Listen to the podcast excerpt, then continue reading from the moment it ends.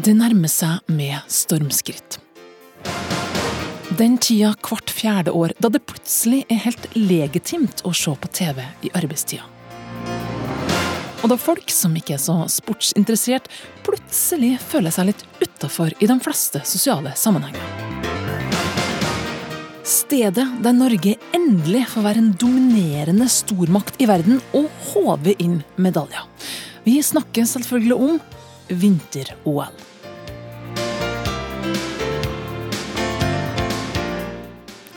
For første gang sendt på TV Norge. Eh, Det var litt overraskende. Skal det det? Mm. OK. Ja. Det var ikke jeg klar over. Det syns jeg er jævla dårlig. For det er så mye reklame. Å ja. Eh, Det visste jeg ikke. Jeg har ikke TV Norge. ja, jeg trodde det var NRK. Jeg. Eh, Ja ja. Det syns jeg er fryktelig synd, fordi det er NRK som er statskanalen og absolutt burde vært sendt der. TV Norge, som alltid har vært lillebror når det kommer til seertall i norsk TV-sammenheng, skal i drøye to uker være Norges største TV-kanal.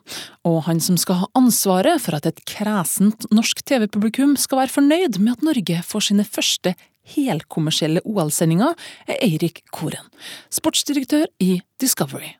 Vi har jo heldigvis visst om dette en stund, at vi skulle ha dette OL-et. Så dette er jo en, eh, et arbeid som begynte idet vi fikk beskjed om at vi hadde kjøpt rettighetene. Vi er ganske ydmyke i forhold til at er OL er noe spesielt, kanskje særlig vinter-OL da for Norge.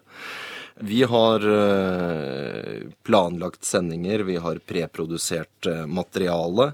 Vi har tenkt hvordan skal vår vårt fotavtrykk se ut for, for det norske markedet. Vi er veldig obs på den sterke historien som ligger der. Veldig mange av oss har jobbet med OL enten for TV 2 eller NRK tidligere.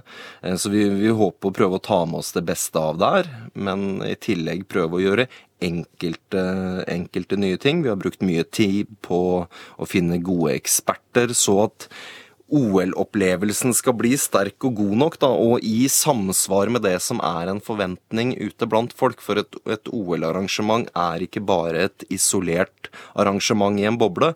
Det er en lang historie som man også er nødt til å ta på alvor i det, som setter Norge og seeren i dette OL-moduset. Man har med seg opplevelsene fra langt tilbake, da man enten var barn, eller sterke opplevelser man har sett fra, fra OL tidligere. Det har også vært viktig for oss å prøve å få inn i måten vi skal jobbe med OL. Koren har erfaring både fra NRK og TV 2, og har tidligere vært med og jobba med dekninga av flere OL. Han vet at mange er spent på hvordan TV Norge og Discovery skal løse denne oppgaven, og jeg spør hvor de har tenkt å legge lista. Skal den være bedre, like bra eller nytenkende og annerledes? Vi syns både NRK og TV 2 har vært veldig dyktige på det de har gjort. Eh, Så vi kommer ikke til å skulle prøve å snu opp ned på måten man gjør et OL. Eh, Men vi må tilpasse oss en ny mediehverdag, f.eks. Med, med da økt digital eh, seing. Det annet gjennom Snapchat og at vi skal ha det som er av liveidrett liggende ute som man kan se. Eh, prøve å ha gode eksperter. Vi har et veldig bra lag f.eks. på alpint med Kjetil André Aamodt, Lasse Kjus og Tom Stiansen. Eh, vi skal prøve å forklare eh, hvorfor ting skjer gjennom f.eks. analyser. Og så er det dette med humortilsnittet som skal være en del av det også. Ikke humor underveis i idretten. Det er veldig viktig for oss at idretten skal bli tatt på alvor som idrett. Eh, Men eh, rundt omkring, eh, reportasjer f.eks., det kan være innhold også opp mot kveldsshow hvor det er komikere som er med i, i det. Discovery har lovt det mest digitale OL noensinne. Hva legger de i det? Alt av livesendinger og livestrømmer, da, som vi kaller det. Altså eh, bilder, livebilder fra idrett som produseres i Pyeongchang, kommer til å være tilgjengelig på eh, Eurosport Player. Eh, Så der vil man kunne følge alt det som da ikke vises på eh, TV også. Eh, Hvis man f.eks. har et kjærlighetsforhold til, eh, til curling, vil man kunne følge det. Man vil kunne få alt av hockey, f.eks. Eh, så det vil være et stort tilbud der. I tillegg så vil det jo være et 24-7-arbeid på alle digitale flater, og da ut i sosiale medier også, med innhold for å prøve å favne bredest mulig og gi et best mulig tilbud til alle som måtte ønske å følge OL, være seg barn som er ferske når det gjelder å få sin første OL-opplevelse, ungdom, eller de som har et langt og tett kjærlighetsforhold til OL langt også tilbake i tid.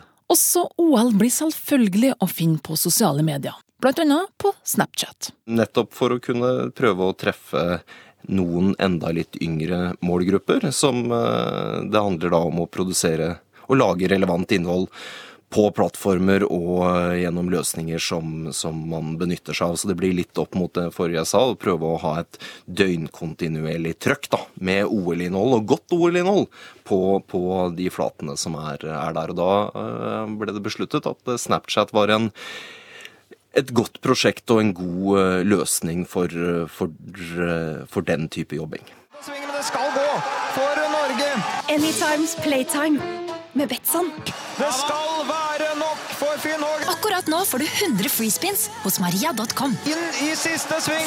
Nettkasinoet som skaper flere norske vinnere. Men nå er det bare oppløp igjen! Kasumo, et kasino.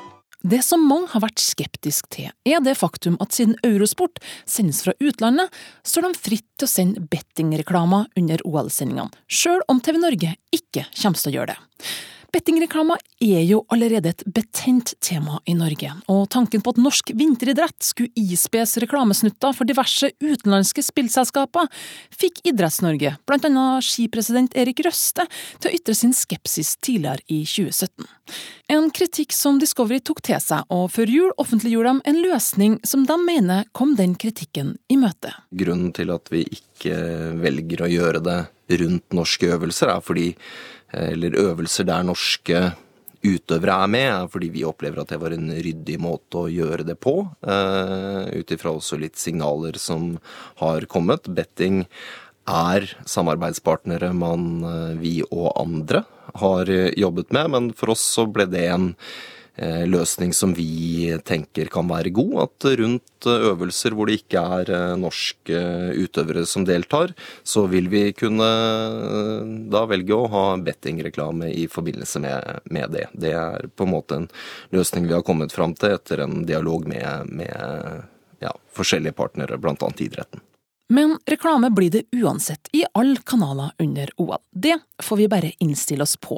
Men hva kan vi forvente oss? Reklamefinansierte sportssendinger er jo definitivt kommet for å bli. Jeg tror også det norske markedet er noe mer vant til det, men vi er veldig opptatt av å prøve å gjøre dette på en så god måte som mulig. Vi skal også operere med noe som heter en, en split screen på deler av reklamen. Som gjør at du vil kunne se øvelsen samtidig som deler av de enkelte reklamer vil gå. For fra og med 1. juli 2017 ble det tillatt med såkalt split screen, der skjermen kan deles opp i en tydelig reklamedel og en sendingsdel. Men Kulturdepartementet har gjeldende fra nyttår presisert i kringkastingsforskrifta at reklame på delt skjerm kun er tillatt i direktesendte begivenheter som foregår uten naturlig opphold, kan rådgiver i Medietilsynet Lars Erik Krogsrud fortelle meg. I veldig, veldig mange av idrettene er det lagt inn fra arrangørens side reklamepauser. Så i hopp f.eks., i alpint, i hockey, så er det pauser for at nasjoner skal kunne gå til reklame. For de, i de aller fleste markeder så, så, foregår OL på nettopp reklamefinansierte kanaler. Dette er noe vi bruker veldig mye tid på, så det er ingen som behøver å være redde for at de skal miste store øyeblikk pga. reklamen. På ingen som helst måte. Ellers gjelder fortsatt 20 %-regelen som ble innført av Medietilsynet før Sotsji-OL. Tolv minutter reklame per hele time. Men det som er nytt, er at de her minuttene kan fordeles mer fritt enn før. Alt etter hva som passer best inn i sendinga, ifølge produsentene. Men uten at det skal forringe seeropplevelsen nevneverdig.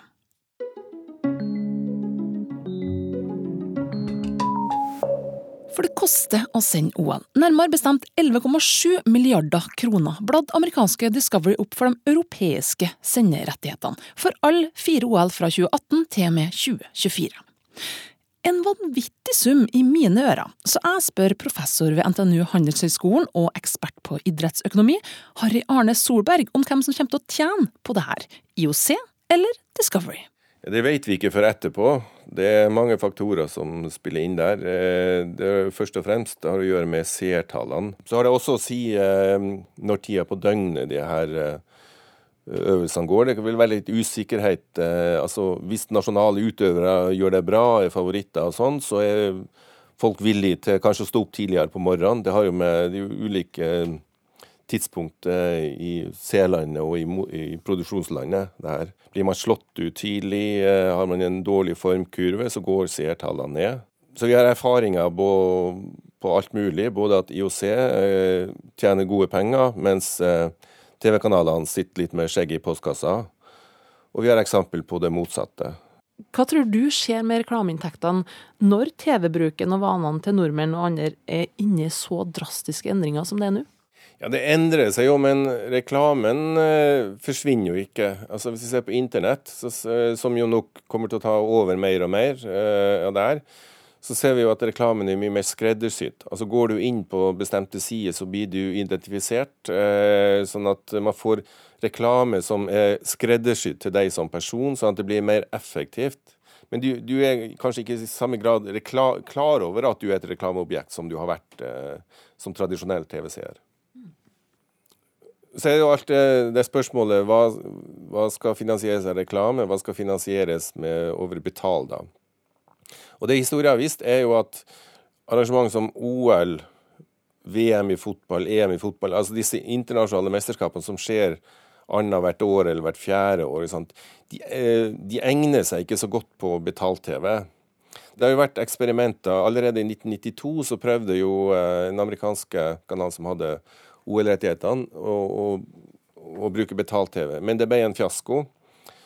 Fordi at eh, OL og altså disse internasjonale arrangementene som, som går annethvert år eller hvert fjerde år, og sånt, det er en helt annen eh, seervane eh, enn f.eks. Premier League-fansen. Og pga. den såkalte listed events-politikken som gjelder i store deler av Europa, har politikerne regulert det sånn at vi ikke skal betale for å se store idrettsarrangement som OL eller fotball-VM, og andre arrangement de mener er av allmenn interesse. Betyr det at vi for framtida bare må bli vant med å se OL med reklame? Du har fortsatt noen av allmennkringkastere i Europa som har klart å beholde rettighetene, men jeg tror bare tidsspørsmål før de eh, mister det. Akkurat som det som har skjedd i Norge. da. Allmennkringkasterne har jo helt andre oppgaver. enn å, og Det er ikke noe vits i at allmennkringkastere skal bruke mange titalls millioner på det her, hvis vi kan få se det her gratis på andre kanaler. Og Det kan jo denne Listed Events-reguleringa garantere. da. Med andre ord, vi vil ikke se OL uten reklame igjen? Nei, Det vil vi nok eh, neppe. Men ikke sant? det kan jo være andre aktører som kommer inn. Google, Facebook. Eh, for det som skjer, eh, altså utviklinga i in media går veldig raskt. Den digitale eh, revolusjonen har endra seermønstre, produksjonsmønstre osv. Eh, radikalt de siste årene. Og den utviklingen kommer nok til å fortsette.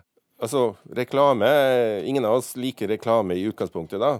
Men det er vanskelig å finne argumenter for at reklame knytta til idrett er verre enn reklame knytta til filmer eller mellom nyhetssendinger eller hva det måtte være.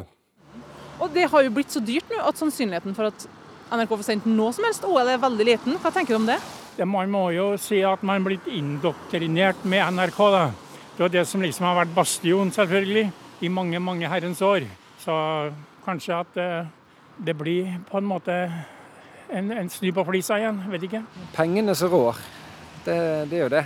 Mm. så det er blitt noe som er blitt så dyrt at NRK ikke ville hive seg på, kanskje. da. Eh, TV Norge er vel leid av noen amerikanere, så det, de har masse penger. Nei, Jeg likte mer sånn som det var før, da, hvor det var på NRK. Jeg er mer tilhenger av det. Jeg er det. Det kan hende at mannen i gata syns det blir trist med OL uten NRK, men professoren på kontoret syns det går helt fint. Jeg syns jo det er en sløsing eh, av NRK, hvis NRK skulle bruke eh, flere titalls millioner på det her. Altså, NRK er den viktigste TV-kanalen vi har, men de har andre oppgaver. De skal sende, de kan sende programmer som, eh, som gjør oss mer kunnskapsrike, som går pløyer i dybden på problemstillinger, som gir lengre oppmerksomhet til interessante hendelser i nyhetene osv. NRK sparer naturlig nok mye penger på å ikke skulle sende OL de neste seks årene, men hva bruker de her oppsparte pengene på? Fungerende mediedirektør i NRK, Marius Lillelien, svarer i en kommentar til Kurer at sjøl om det er en stund siden NRK har hatt OL-rettigheter som post i budsjettene sine, så bruker de penger heller på en kombinasjon av andre rettigheter, som for eksempel sending av fotball-VM sammen med TV 2 til sommeren, og mer penger på produksjoner og rettigheter til særlig TV-drama. Pyeongchang 2018 på TV Norge og Eurosport. Ei som mest sannsynlig vil se OL i arbeidstida, er lektor Liv Iren Hognestad, som underviser i annet sportsjournalistikk ved NLA Mediehøgskolen Gimlekollen. Hun er spent på å se hvordan Discovery kommer til å løse denne nye utfordringa de står ovenfor. NRK og TV 2 er uten tvil veldig gode på sport, og de har jo gitt oss mange magiske øyeblikk opp gjennom årene.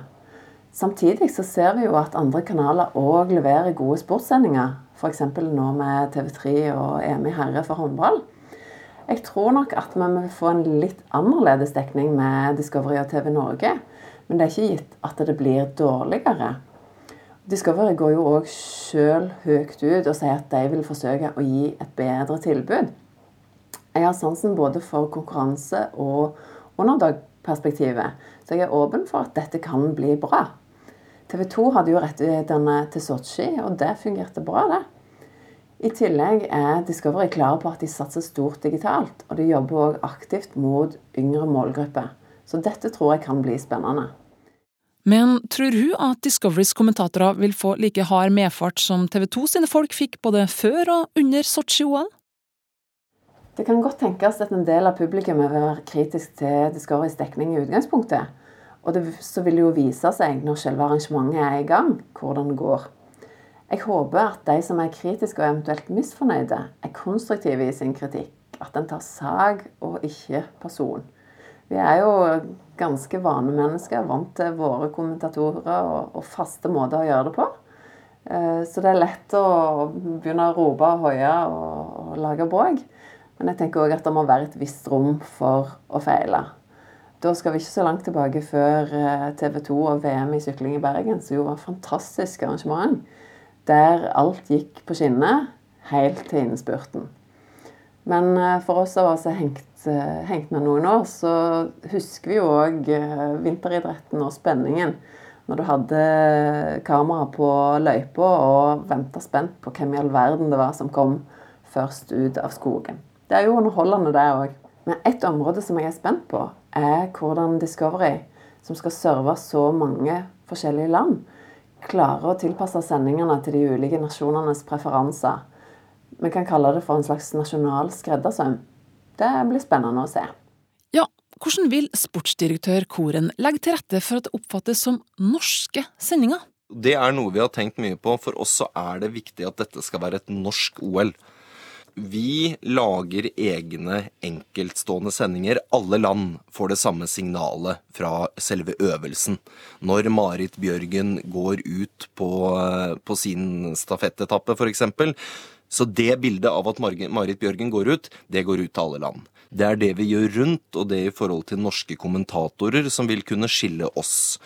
Eh, og det er litt igjen inn mot det med historien. Det er å finne de norske eh, ekspertene og gode norske kommentatorene. Det er å tenke norsk eh, i mye av det vi skal gjøre i forhold til før sendingene eller før idretten starter. Det vi kaller en build-up, som vil være en eh, tydelig norsk fotavtrykk i god OL-stil, men med nye elementer. Og så har vi en styrke også ved at vi er del av et stort internasjonalt konsern. Det kan være sånne ting som tilgang på andre lands eksperter, f.eks.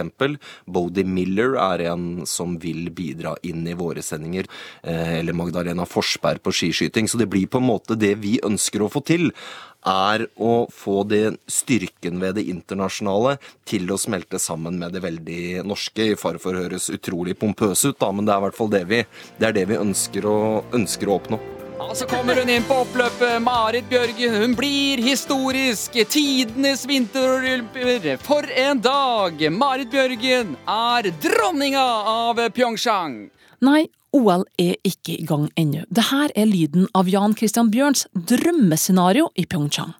Han skal nemlig debutere i OL som hovedkommentator for langrenn og kombinert, og kjenner litt på nervene. Ja, jeg må jo innrømme at jeg kjenner litt på det. Jeg er ikke så veldig bekymra for eh, kommenteringa, det har jeg gjort så mange år nå, men eh, det her blir jo noe helt eh, spesielt. og bare de siste månedene nå så har man jo sett hvilket engasjement egentlig langrenn spesielt, da, men også andre skigrener skaper i Norge av debatter og det ene med det andre. Så det er, det er, store sko å fylle dette her. Og jeg tror på en måte det viktigste blir å stole på det man kan, da. Ikke prøve å skulle gjøre det helt ekstraordinære nå, bare noen uker før det drar seg til. For tro ikke at Bjørn er noen nybegynner i gamet. Han har nemlig vært langrennskommentator for Eurosport i sju år allerede. Johannes Østflot Klam over kuren. Han nærmer seg Martin Jonsrud Sundby. Ikke et vondt ord om Eurosport, men der kommenterer du jo for en hel del færre seere enn du nå kommer til å kommentere for. Kommer det til å gjøre noe med måten du jobber på, tror du?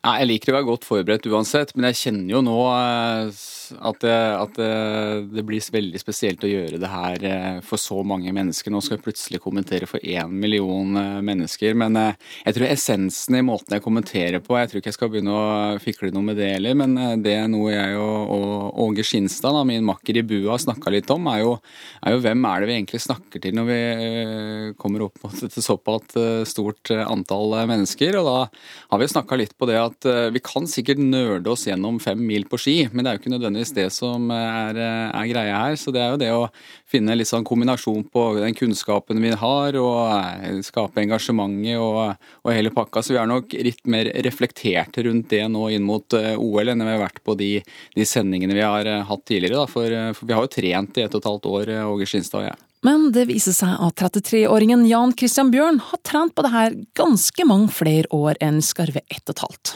Jeg tror det begynte da jeg var seks-sju år, da, som jeg sa, når vi spilte fotball på Løkka. Jeg tok eh, rollen der, og med den eh, eh, rollen som også Torgeir, onkelen min, har hatt eh, som kommentator, så ble det litt sånn et naturlig ønske. Eh, og etter jeg var ferdig som idrettsutøver, så følte jeg at fy søren, jeg har så lyst til å kommentere, så da ringte Eurosport og spurte om de hadde muligheten til å slippe meg til der, så jeg får prøve meg. Og det hadde de jo ikke, selvfølgelig, i og med at det var selvfølgelig noen som skulle ha de ulike grenene.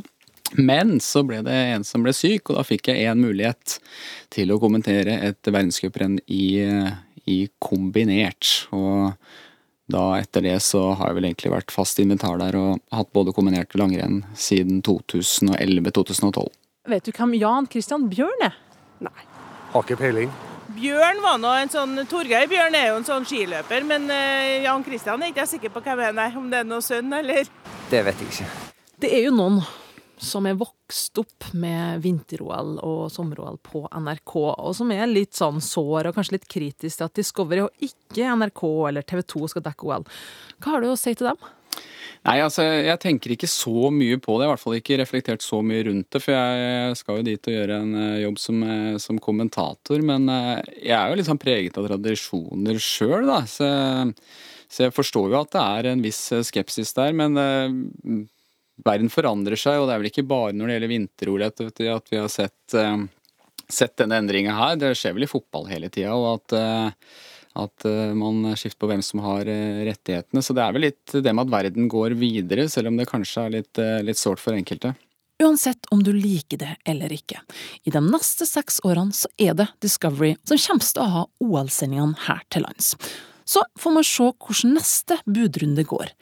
Er det mer saft å skvise ut av sitronen, eller begynner grensa snart å være nådd for hvor mye man kan regne med å få for OL-rettigheter? Jeg spør idrettsøkonom Solberg. Altså det, det, som er avgjørende der, er jo konkurransen.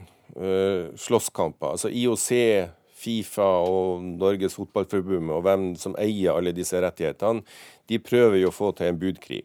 Og noen ganger lykkes de. Og det vil alltid være konkurranse om å få attraktivt eh, innhold. Og sport har vist seg eh, å være attraktiv. Altså ikke all sport, da, men eh, OL, fotball eh, og litt avhengig av eh, hva som er populært i de respektive landene. Og Får man til budkriger, så viser erfaringen at prisene kan, kan, gå opp. da. Men så vil det også være sånn at um, hvorvidt, hvor bra uh, utøvere fra de respektive landene gjør det, vil også påvirke. Det, det har vi sett uh, eksempler av for eksempel, innen idretter sånn som f.eks. tennis. Uh, Tyskland og Sverige, ikke sant, som har hatt perioder med veldig gode tennisspillere. Da har prisene på Wimbledon-rettighetene gått opp. Men så har, det, har de forsvunnet, ikke hatt noen, og da har prisene gått ned. Og Sånne fluktuasjoner vil det alltid være. Ok, så hvis NRK eller TV 2 skal ha noe som helst sjanse til å ha råd til vinter-OL igjen, så må vi rett og slett bli en skikkelig dårlig vinteridrettsnasjon. Spørs om det blir så populært.